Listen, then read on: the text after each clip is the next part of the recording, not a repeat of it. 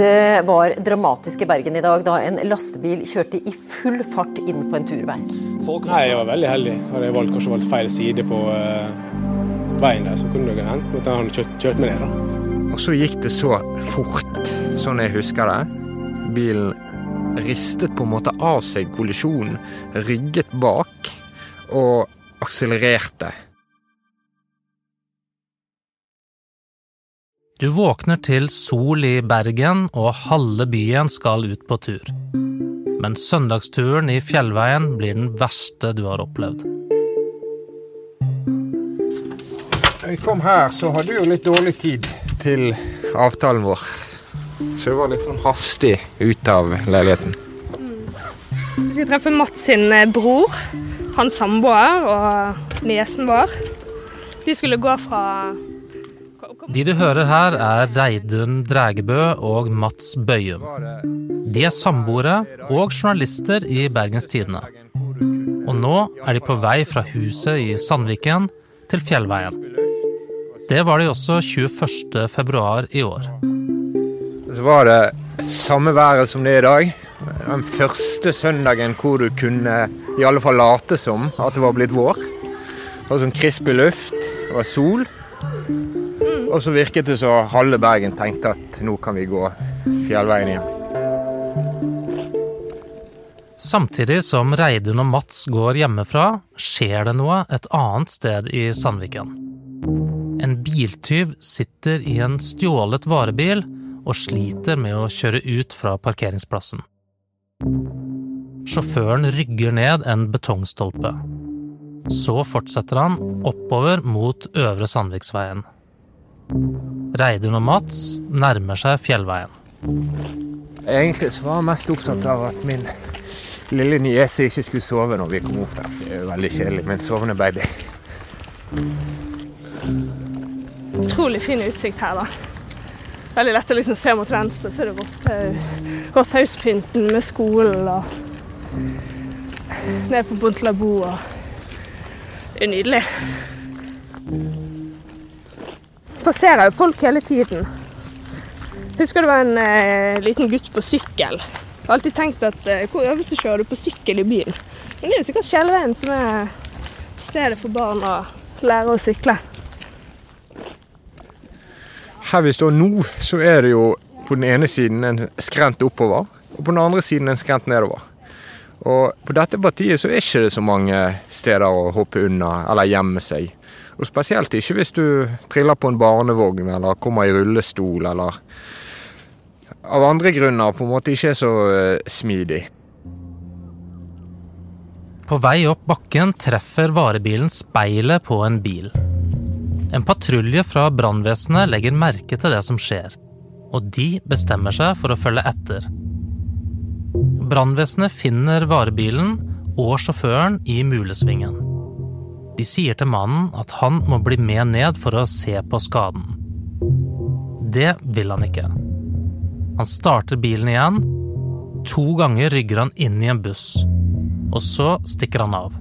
Han kjører i høy fart innover fjellveien.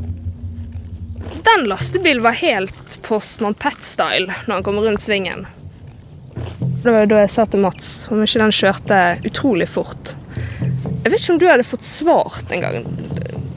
For det jeg spurte om, var han dundret inn i en av bilene. Ja, Det var da vi sluttet å lure på om dette var noe å passe seg for. Og så gikk det så fort, sånn jeg husker det.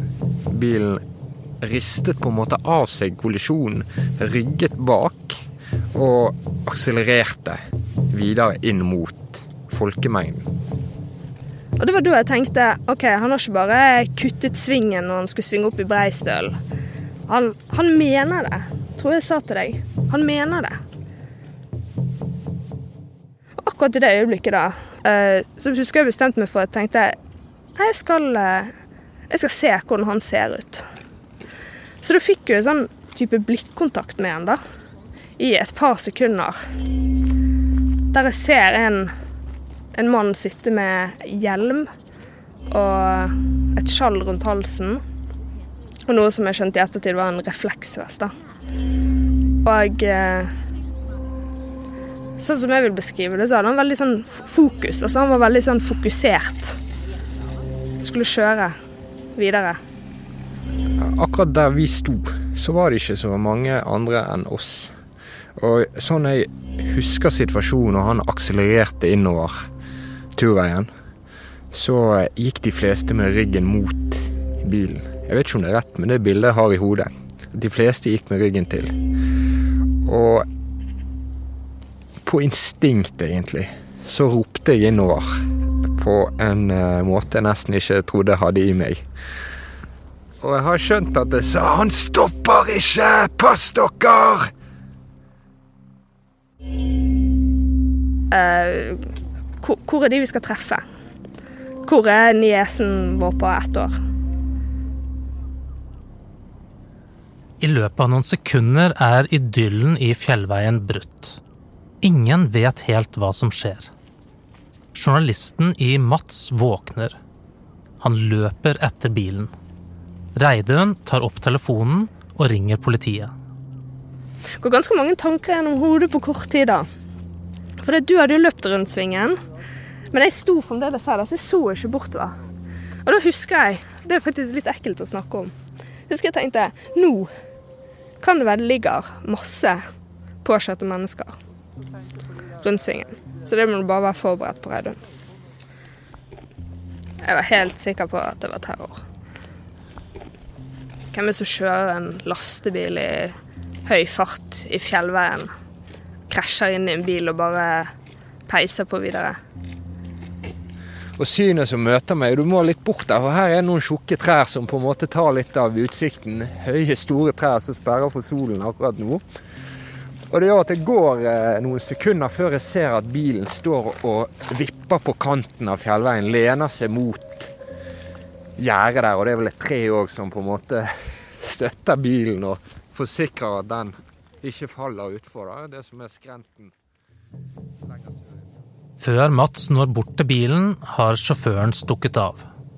Vitner forklarte at han flyktet over gjerdet og løp nedover den bratte skrenten. Så går jeg bortover, eh, så er jo det en fyr som roper at 'bil har krasjet'. Og tenker jeg bare 'shit'. Eh, OK, hva har han inni? Er det en bombe? Så jeg har lagt, Da hadde jeg lagt på med politiet da når jeg begynte å tenke på det. Og så var jeg jo sånn Faen, jeg må bort og hente Mats.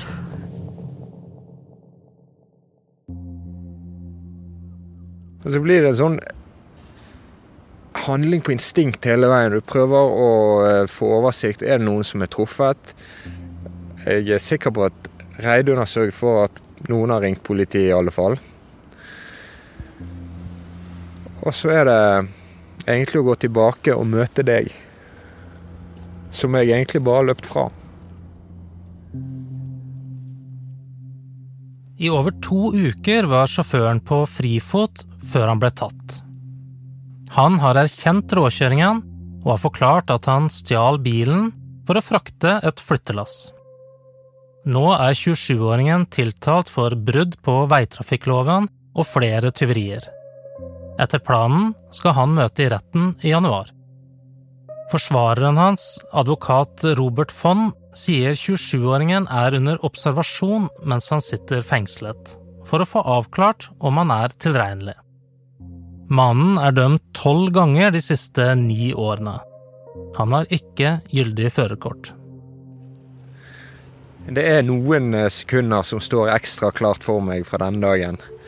Og det er få minutter etter at eh, bilen har krasjet, etter at føreren har løpt fra stedet, så hører vi bare et vanvittig smell.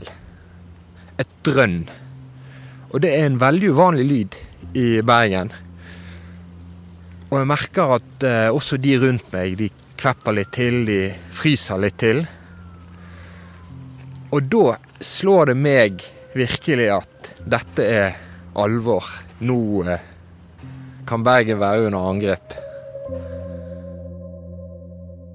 Og så viste det seg at det var salutten for kongen sin bursdag.